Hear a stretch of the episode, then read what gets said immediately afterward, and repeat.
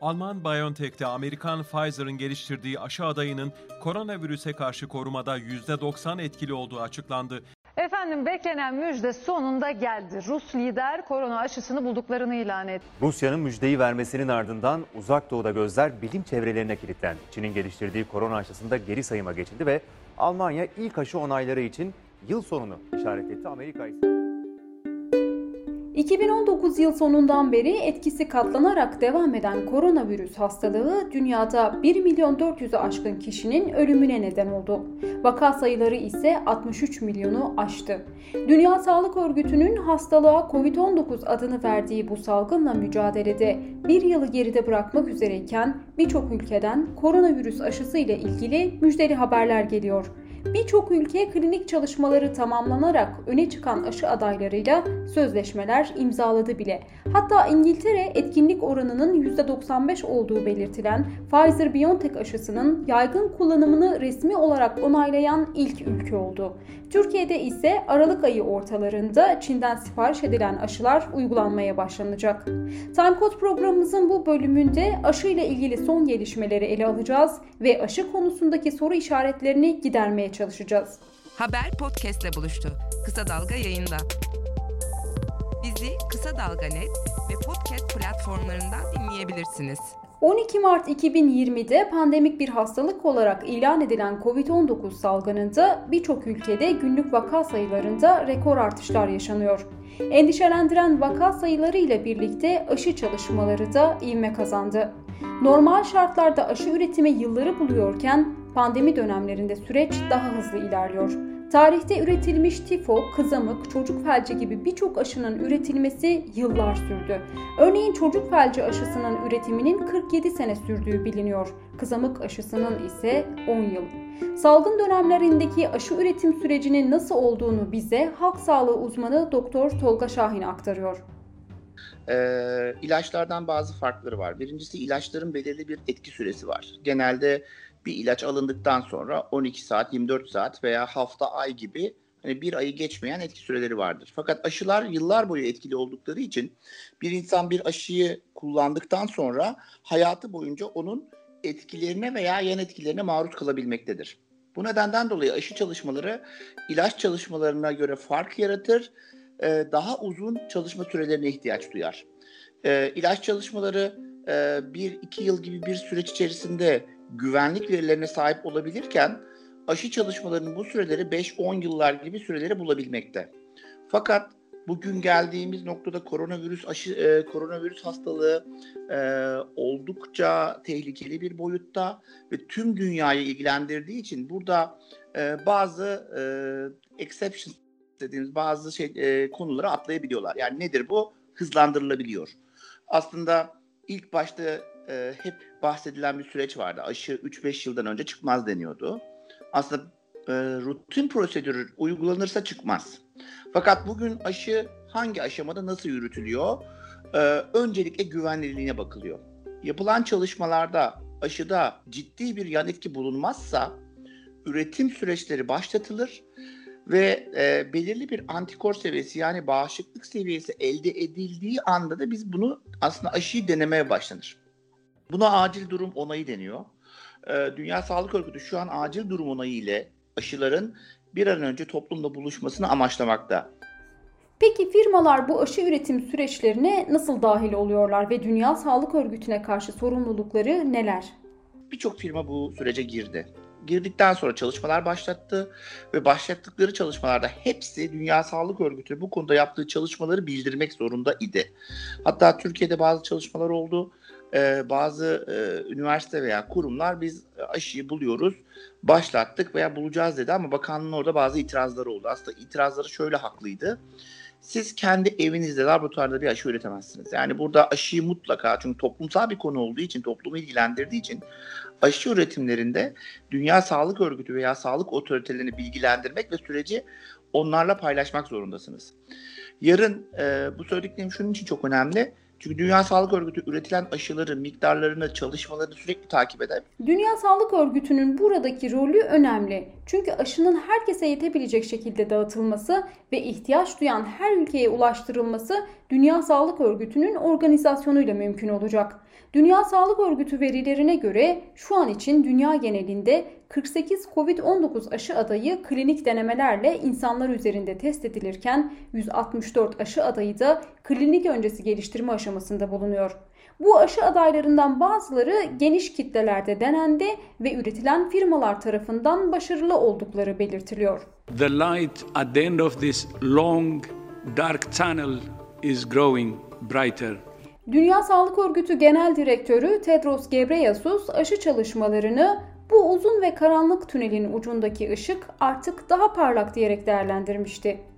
Rekor seviyede gelişen bu aşı çalışmalarında öne çıkan aşı adaylarının %70 ila %95 oranında başarılı olduğu belirtiliyor. Örneğin Almanya biyoteknoloji firması BioNTech ile Amerikan ilaç firması Pfizer'ın geliştirdiği BioNTech aşısının %95 oranında başarılı olduğu söyleniyor. Amerika Birleşik Devletleri'ndeki Moderna ilaç firmasına ait Moderna aşısının da yine %95 oranında başarılı olduğu belirtiliyor. AstraZeneca firmasının Oxford Üniversitesi ile ortaklaşa ürettiği Oxford AstraZeneca aşısının ise belirtilen başarı oranı %70. Peki verilen bu etkinlik oranları aşının sahadaki etkinliğiyle aynı mı olacak? Şimdi deniyor ki aşılar %90 virüse karşı etkinliği gösterildi deniyor. Fakat aşının insanlara uygulanmadan etkinliğini bilemeyiz. Şu an bahsedilen etkinlik antikor oluşturma yüzdesi. Bu şu demek, yani şu an aşı çalışıyor, vücutta bir bağışıklık cevabı oluşturuyor.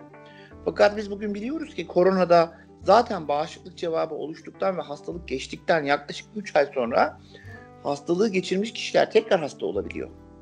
O zaman aşılandıktan 3 ay sonra biz hasta olacak mıyız? Olmayacak mıyız cevabını aşı programı başladıktan sonra görebileceğiz. Şu an bunu da bilmiyoruz. Çünkü vücudumuzda hafıza hücresi dediğimiz e, hafıza bağışıklık sistemindeki hafıza hücreleri e, bazı hastalıklarda onlarca yıl korur. Fakat şu an koronada e, bu sistemin nasıl çalıştığını hala e, bilmiyoruz, görmedik.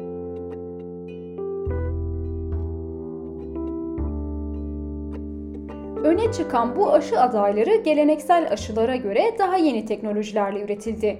Farklı firmaların aşı adaylarında değişiklik gösteren bu yeni teknolojiye biraz daha yakından bakalım. BioNTech ve Moderna aşıları RNA teknolojisiyle üretildi. Oxford ve Sputnik aşıları ise viral vektör teknolojileriyle üretildi.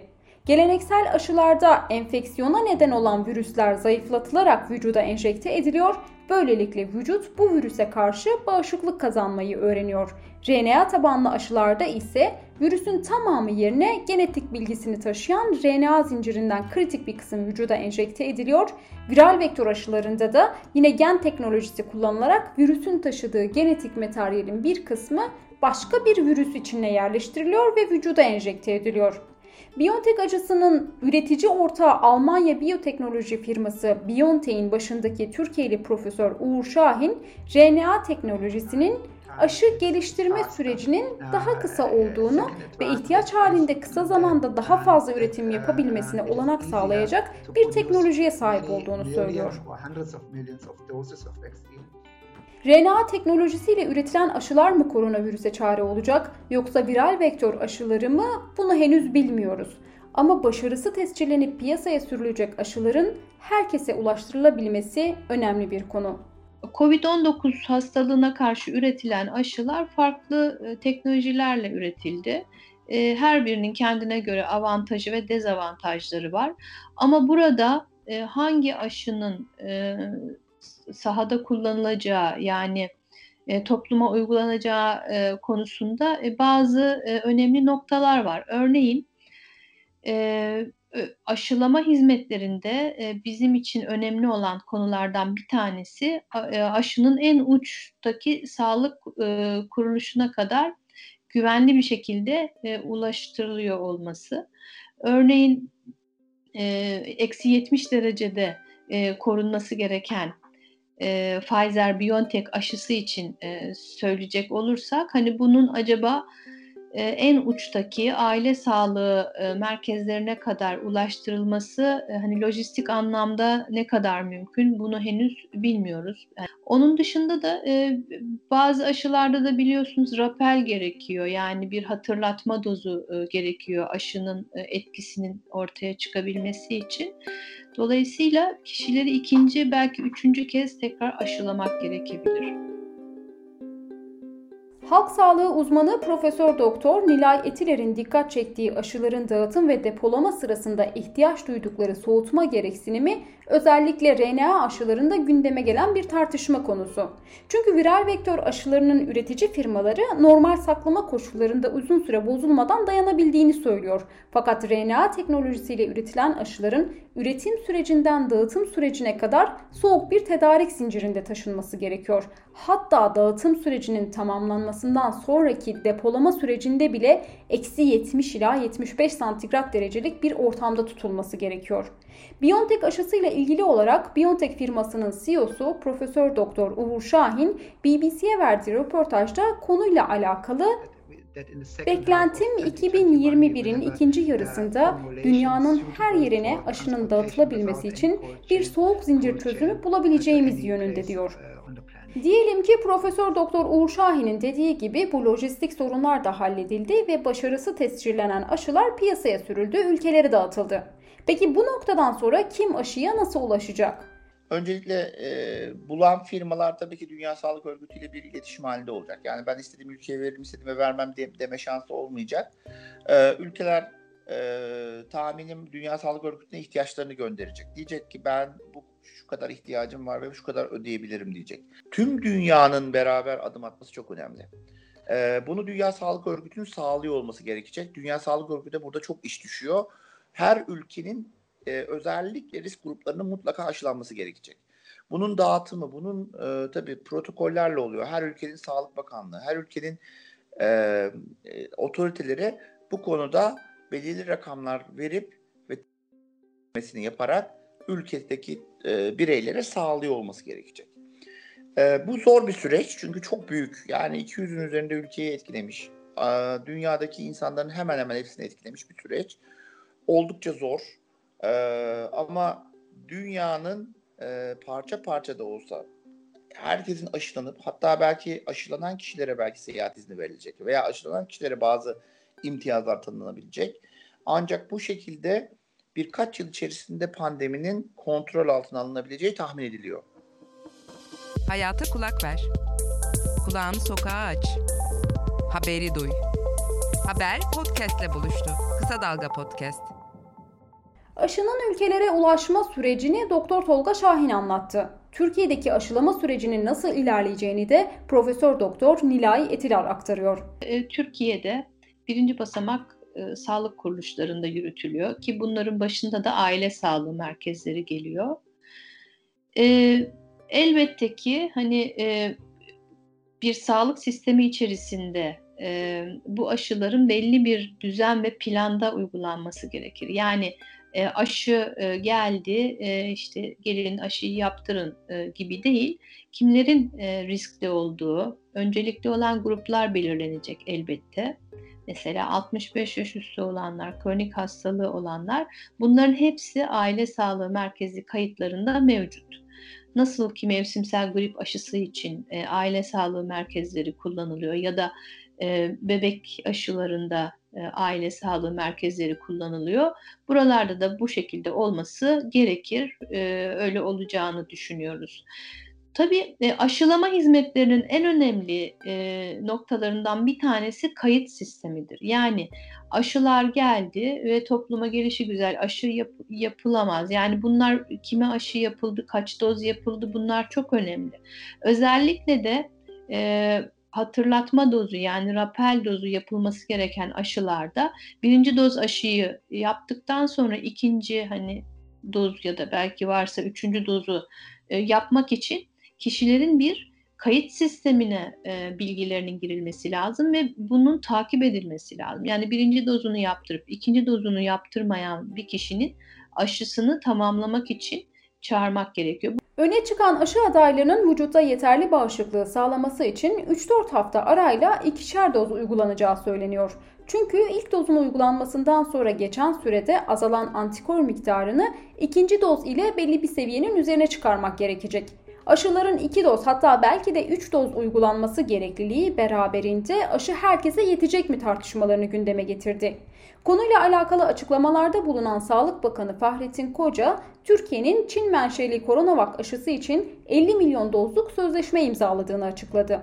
Aşı ile ilgili Aralık ayında genelde yoğun bir şekilde başlamak istiyoruz.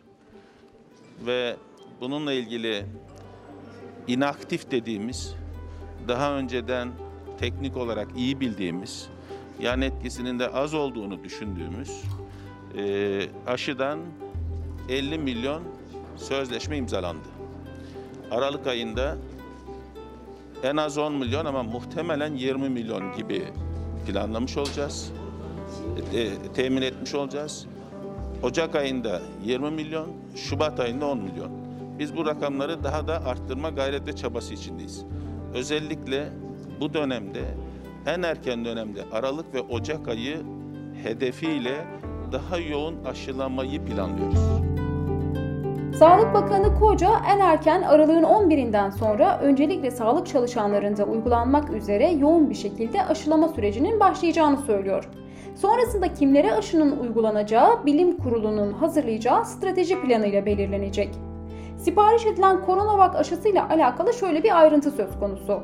Aşının faz 3 çalışmaları hala devam ediyor. Normal şartlarda bir aşının ruhsatının alınması ve piyasaya sürülmesi için faz 1, faz 2, faz 3 çalışmalarını tamamlaması gerekiyor. Fakat daha önce de belirttiğimiz gibi pandemi dönemlerinde bu süreçler daha hızlı ilerleyebiliyor. Doktor Tolga Şahin daha anlaşılır olabilmesi için bu süreçleri şöyle detaylandırıyor.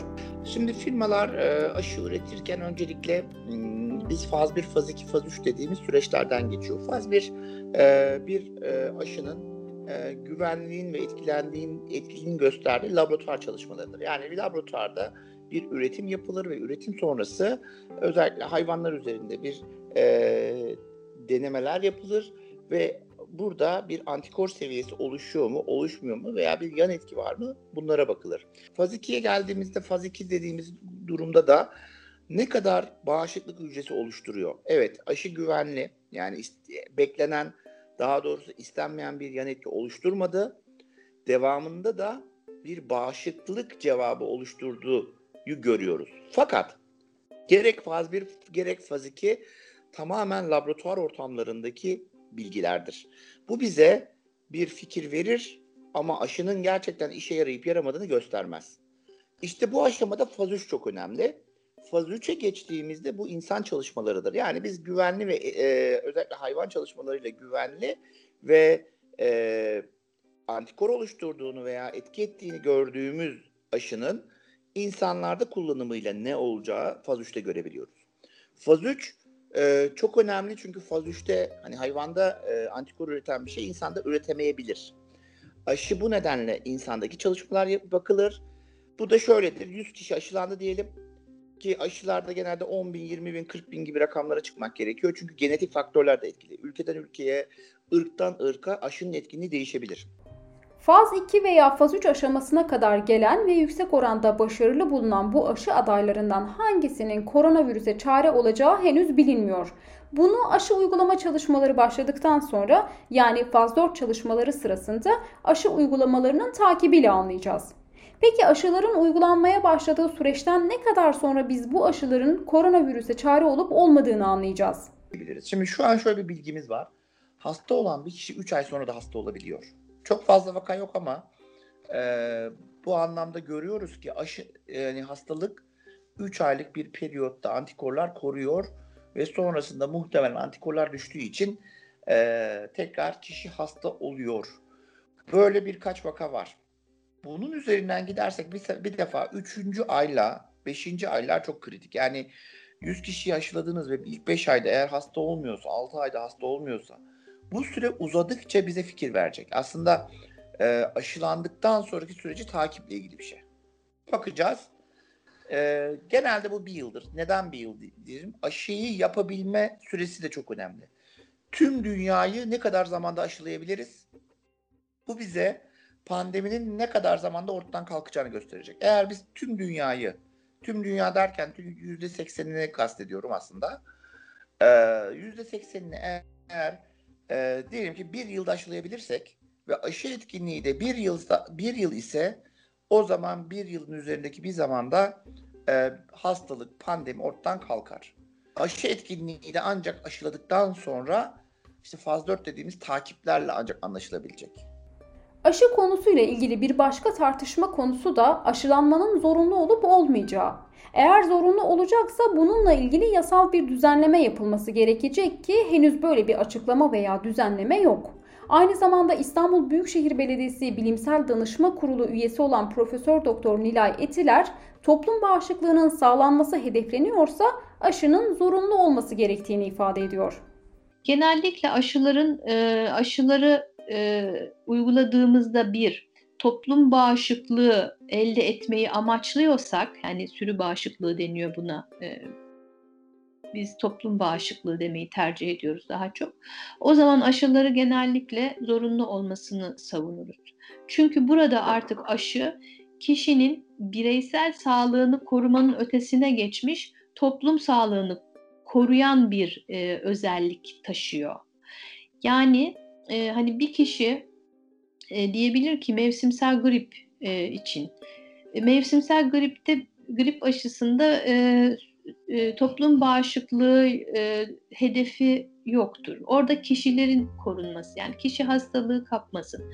Ama örneğin kızamık için kızamıkta hem e, kızamık aşısına olan çocuk kızamık olmasın e, onu kızamıktan koruyalım.